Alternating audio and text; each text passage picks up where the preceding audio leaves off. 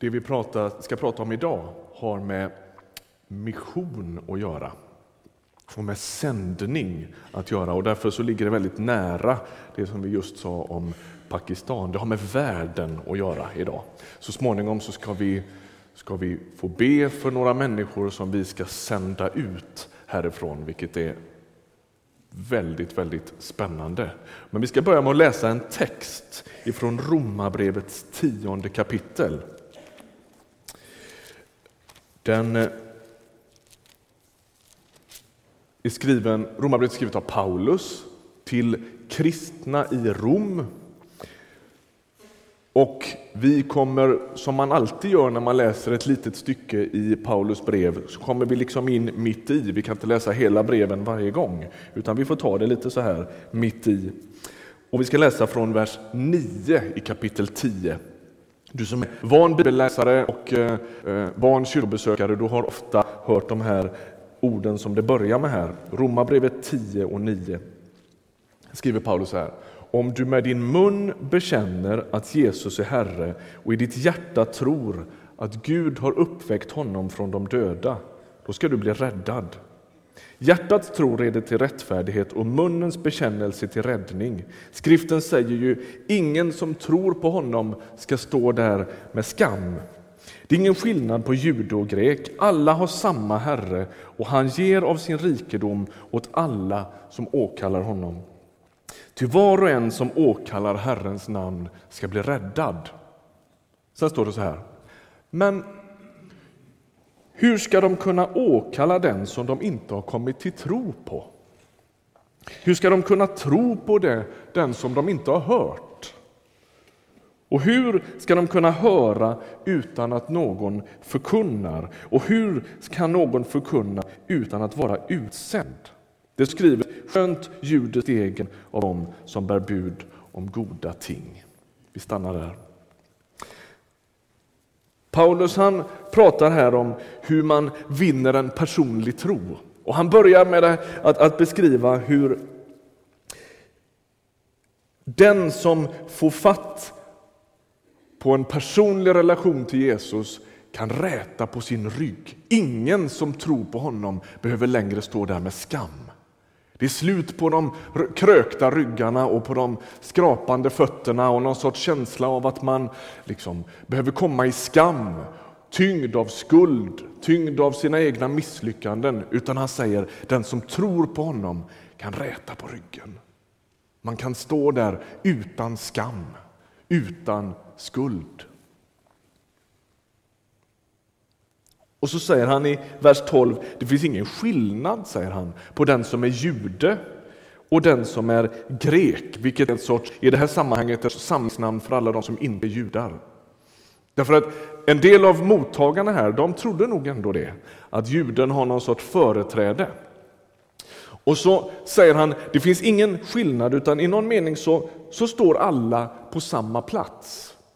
Det är ingen skillnad när det gäller synd och när det gäller behovet av hjälp. Alla har satt sig i det berömda klistret och ingen tar sig därifrån på egen hand. Och det är inte heller någon skillnad på folk när det handlar om räddning. Han säger tidigare i samma brev, står det så här i kapitel 3 och vers 22.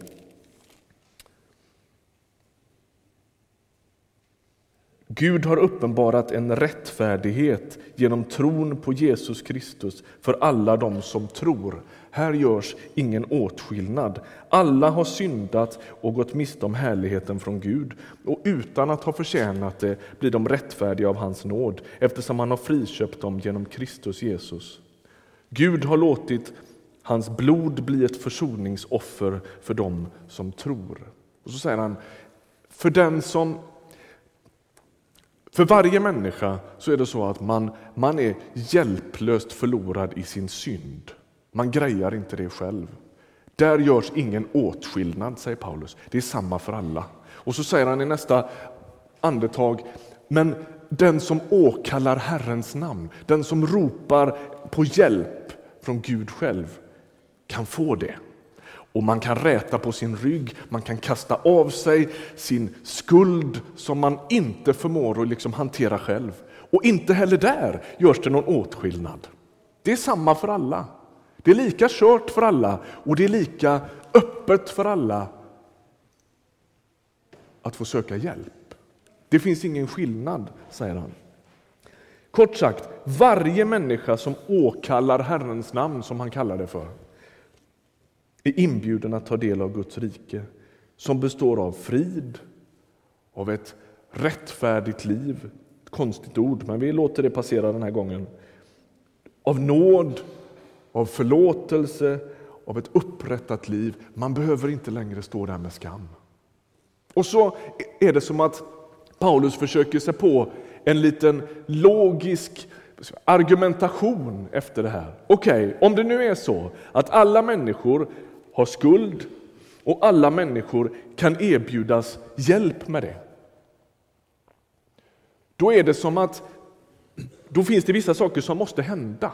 Då säger Paulus, okej, okay, om man ska åkalla då, är det inte så att det förutsätts något för det? Kan lägga upp den där. Jo, det är som att Paulus i den här texten vi läste nu säger, åkallan förutsätter ju att man tror. Man ropar inte på, på Jesus med mindre än att man tror att han finns. Okej? Okay? Men man kan inte tro på honom med mindre än att man har hört om honom. Logiskt, eller hur? Men hur ska man kunna höra honom? Jo, det kräver ju att någon berättar om honom. Eller hur? Och hur ska man kunna eh, höra någon berätta? Jo, den som ska berätta måste ju bli sänd. Och då är liksom hela den här logiska händelsekedjan fullbordad. Därför att det han försöker säga är att okej, okay, om det räcker att åkalla, då måste vi sända. Hänger du med? Om det räcker för varje människa som bor i Pakistan, eller i Bangladesh, eller i Colombia, eller i Skäggetorp, eller på T1. Jag blev osäker. Ni märkte det va?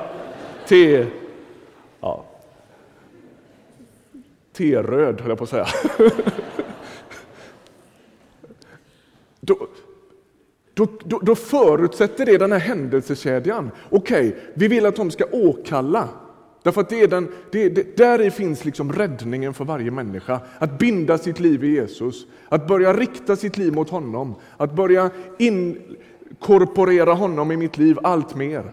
Att börja följa honom, att börja lyda honom, att börja präglas av honom. Där ligger att åkalla. Liksom. Att, att bjuda in honom som huvudgestalten, centralgestalten i hela mitt liv. Okej, okay, men då måste jag tro och då måste jag få höra och då måste någon berätta och då måste någon sända. Är du med? Därför har vi utsändningsgudstjänst idag. Så är det. Så är det. Och det här sitter liksom ihop. Åkallan är det enda som behövs för räddning, som kopplas tillbaks till att någon har blivit utsänd. Det spännande är att Paulus som skriver det här, han har varit med om det här. Om vi går till Apostlagärningarnas trettonde kapitel. Om du just precis nu har hittat till Romarbrevet 10 och tänkte, kan han inte vara där nu? Så gå lite vänster. Apostlagärningarna är strax före strax före. Och kapitel 13, där står det om de första missionärerna som sänds ut i, i, i den kristna kyrkan. I, i mer liksom, ordnade former på det sättet. Det står så här. I församlingen i Antiochia fanns dessa profeter och lärare. Barnabas, Symeon som kallades Niger, Lucius från Kyrene, Manaen som var uppfostrad tillsammans med tetrarken Herodes samt Saul. Medan de en gång höll gudstjänst och fastade sa den helige Ande till dem avdela Barnabas och Saul för den uppgift som jag har kallat dem till. Efter fasta och bön lade de sina händer på dem och skickade iväg dem. Här liksom, äger den första missionärsavskiljningen rum. Och Det som man kan slås av här det är att det är egentligen inte församlingen i Antiochia som sänder iväg dem. Det är Gud som gör det. Och det, det församlingen i Antiochia har liksom på sin lott att göra, det är att, det är att släppa iväg dem. Man kan ju bara fundera över hur det kändes i församlingen i Antiochia. Det är ju inte vilka som helst som åker. Det är Barnabas och Saul, som så småningom kommer att kallas Paulus, som ska åka. Alltså man kan ju bara fundera över hur det uppfattades. Ja, men hur blir det utan dem? Kan vi, inte, vi behöver ju ha dem här. Så. Och så är det som att deras uppdrag, uppgift och liksom utmaning, det är inte att lägga den där kallelsen på dem, det är Gud som gör det. Utan det är att liksom släppa iväg dem. Kom igen, gör det som Gud säger nu. Det är lite tjusigt. Det är som att Gud står för själva liksom, initiativet. Och Det tror jag att alla de som vi ska be för om en stund kan skriva under på. Det här är något som liksom man inte kommer undan. Det har med Guds vidrörande att göra. Och Vårt uppdrag det blir att liksom släppa iväg dem. Och så blir den här församlingen någon sorts bas för ett, en missionsresa. Och så sänds Paulus och Barnabas ut på den första missionsresan via Cypern och in i nuvarande Turkiet. Och Det är som att det ligger i den kristna kyrkans väsen att vara utsändande. Det är som att vi har liksom med oss det med modersmjölken, höll jag på att säga. Alltså det ligger i, vårt, i vår identitet att vara med och hela tiden sända ut. Om vi inte gör det så går vi miste om något centralt som har med Nya testamentet att göra. Kommer du ihåg kanske den mest kända, mest centrala versen i hela Nya testamentet? Så älskade Gud världen att han sände, eller gav, sin son. Så hela Guds frälsningsplan är ett sändande. Han släpper iväg sin son. Han blir människa, han korsar massvis med märkliga barriärer. Och Gud som, som liksom står utanför allt skapat, som är skaparen, han, han gör det besynnerliga och liksom kliver in i sin egen skapelse och blir en del av den. Det är ett märkligt mirakel. Och alltihopa börjar liksom från Guds hjärta och från Guds sida med att han sänder. Så älskade Gud världen att han sände sin son. Man skulle kunna skriva om det och skriva så här. Så älskade Ryttargårdskyrkan världen att den sände ut missionärer. Det är vad egentligen vad allt det här går ut på. För alla de människor som på ett eller annat sätt behöver få åkalla, behöver få räta på sin rygg, behöver liksom befrias ifrån eh, skuldens börda, ifrån liksom, att inte veta vem Jesus är. Jag hörde ett fantastiskt citat, en definition för många år sedan som jag suger på ibland. Det var någon som sa så här. Du vet när vi pratar om evangelisation så så, så, så, så, vi som har varit med länge i en kyrka, vi ser en massa liksom, stereotypa bilder framför oss på hur det ska gå till. Och en del av oss blir lite trötta av att höra det. Och då sa någon så här, och jag tycker att det här har hjälpt mig. Evangelisation, det är när en hungrig människa berättar för en annan hungrig människa vart det finns bröd. Visst är det bra? Alltså, Försök att tänka dig, vi i vårt överflöd, så lite frossarsamhälle, vi har lite svårt att förstå kanske kraften i det där. Men försök att tänka dig ett sammanhang där det inte finns något bröd. En flyktingförläggning någonstans i världen, ett flyktingläger.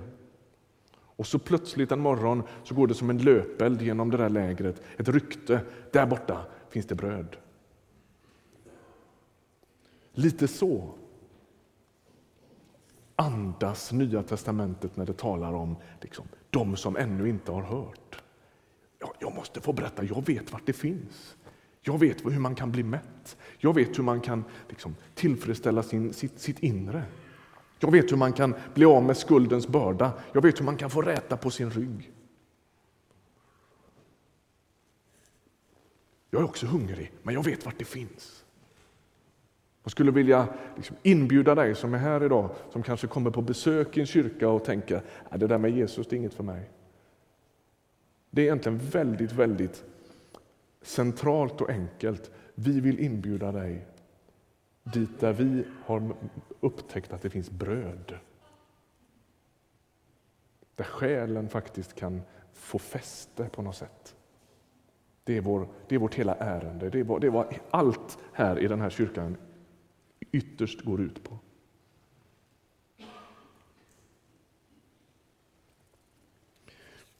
Jag ringde till Anders Blåberg igår, som varit pastor och föreståndare här tidigare, som många av er känner. Eh, det var lite olika. Jag skulle gå på gårdsfest igår kväll eh, på vårat, i vårt område och då stod det på inbjudan ta med egen mat och bord och stolar. Stod det. Så ringde jag till Anders Blåberg igår och då berättade han att han skulle gå på Eh, middag på slottet i Örebro med kungafamiljen igår. Han behövde förmodligen varken ta med sig kött eller stol. Så kan det vara. Det är olika hur ödets lotter falla. Men jag ringde till Anders igår i ett ärende och det var att jag hade hört ett rykte lite här i veckan om att, om att det fanns ett, ett profetiskt tilltal för ett antal år sedan till vår församling här. Eh, och då bekräftade Anders det. Så berättade han att han hade varit på ett, en gudstjänst i England någon gång för snart tio år sedan, 2001 ungefär. Och han hade stått framme i förbön där och så hade det kommit en engelsman och lagt sin hand på honom och bett en bön för honom. Och så hade han gett honom en sorts eh, tilltal från Gud. Och sa han, jag vet inte om det här är någon poäng för dig, men jag tror att utanför den kyrka där du jobbar så finns det två dammar. Kan det vara så? Ja, så är det. Och det var lite märkligt att det var två och inte en, för det är, det är tydligen så att det här är två dammar. Eh, och så fick han ett tilltal som handlade om att eh, ni har varit en kyrka som har samlat på er mycket. Nu är det tid att ge ut, att sända iväg. Och en damm som inte har ett tydligt utflöde, den, den, liksom, den dör. Det blir unket. Då stannar allt liv. Och det där, ni som har varit med länge vet att det där har, har påminns om många gånger. Jag skulle vilja göra det igen och tror att det är ständigt aktuellt. Ständigt aktuellt.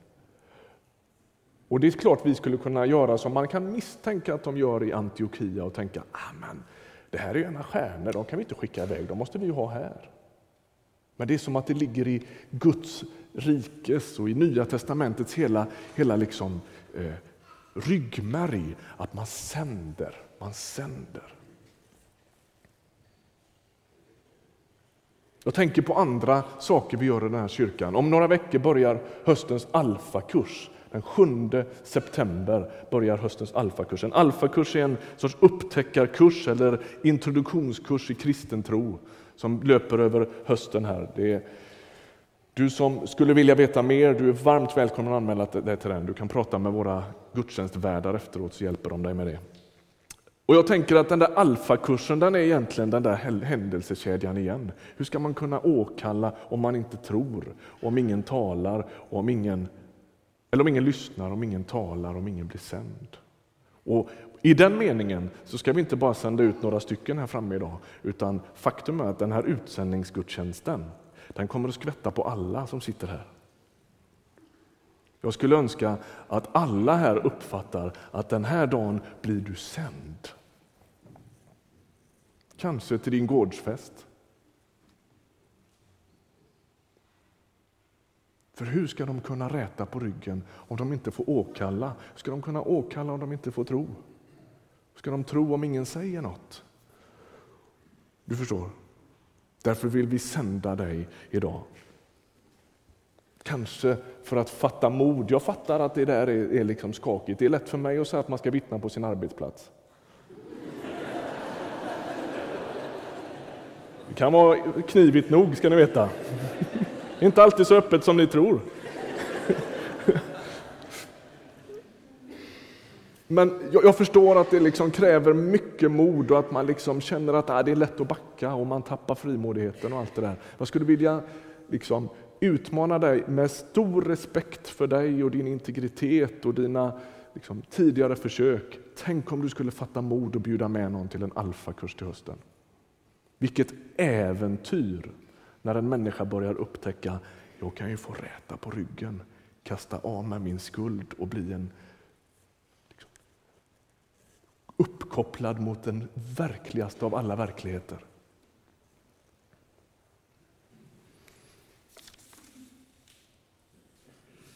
Det är som att när vi sänder så, så luktar vi Gud därför att han är sändande, han är gränsöverskridande. Han, går, liksom, han spelar på bortaplan. När Jesus kommer så, så, så går han till, till miljöer som egentligen är nya för honom på ett sätt.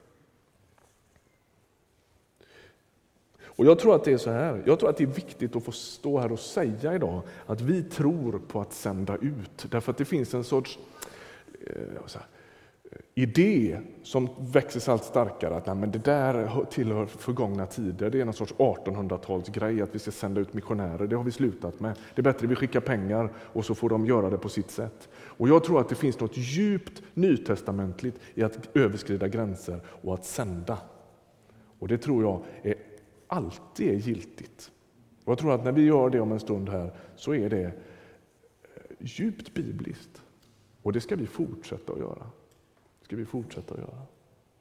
Jag kommer ihåg när jag var ute och reste i ett skolteam för en massa år sedan nu.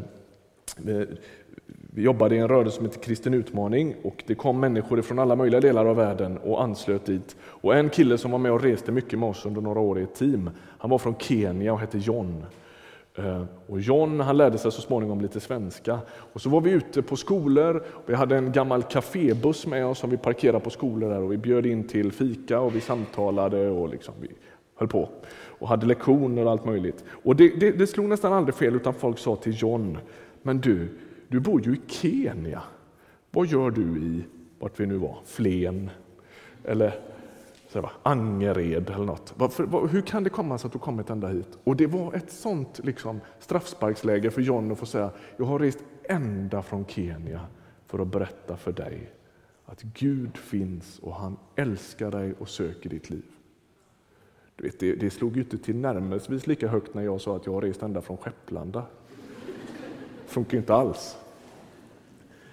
Och det, det finns någonting i det där utsändandet. Jag har kommit till dig för att berätta.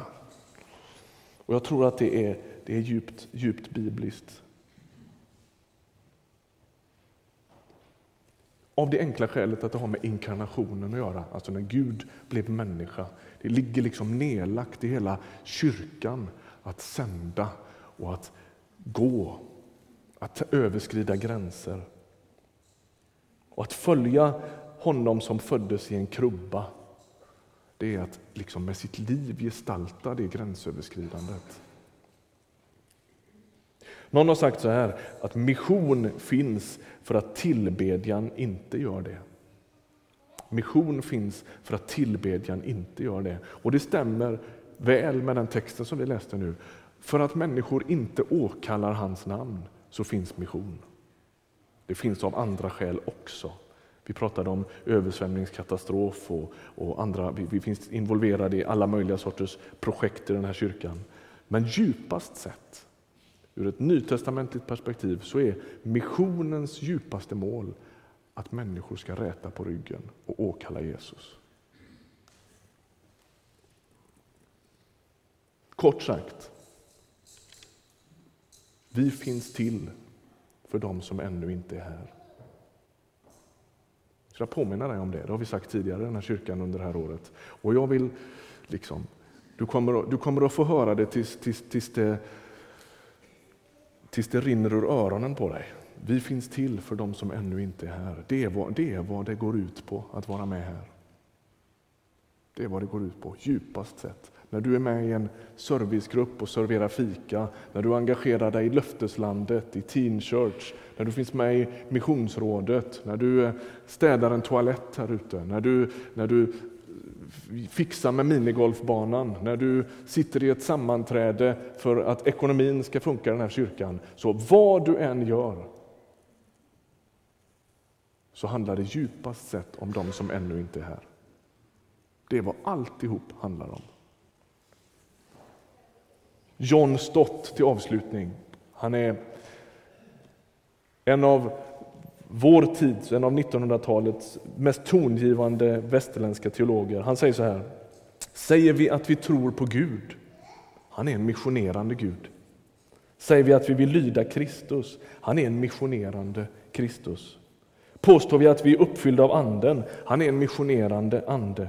Gläds vi över att vi tillhör kyrkan, den är ett missionssällskap. Hoppas vi att få komma till himlen när vi dör, den är fylld av missionens frukter. Idag är det sändningsgudstjänst och vi sänder inte bara några stycken här inne. Vi ska strax be för några personer lite särskilt, men jag skulle hoppas att du uppfattar budskapet ifrån Romarbrevet 10. Det är varje kristen är sänd. Ska vi be? Herre, tack för att du är här. Tack för det fantastiska att du involverar vanligt folk som oss som sitter och står här mitt i vår opolitlighet, mitt i våra liksom, väldigt dunkla motiv, mixade allt möjligt, både det som är ädelt och det som är mindre ädelt. Vi är gudstillbedjare och självupptagna på samma gång. Herre, tack att du lockar in oss i din stora plan. Tack att du lockar oss att gå i bredd med dig, att beröras av dig, att användas av dig. Tack för att du talar till våra hjärtan.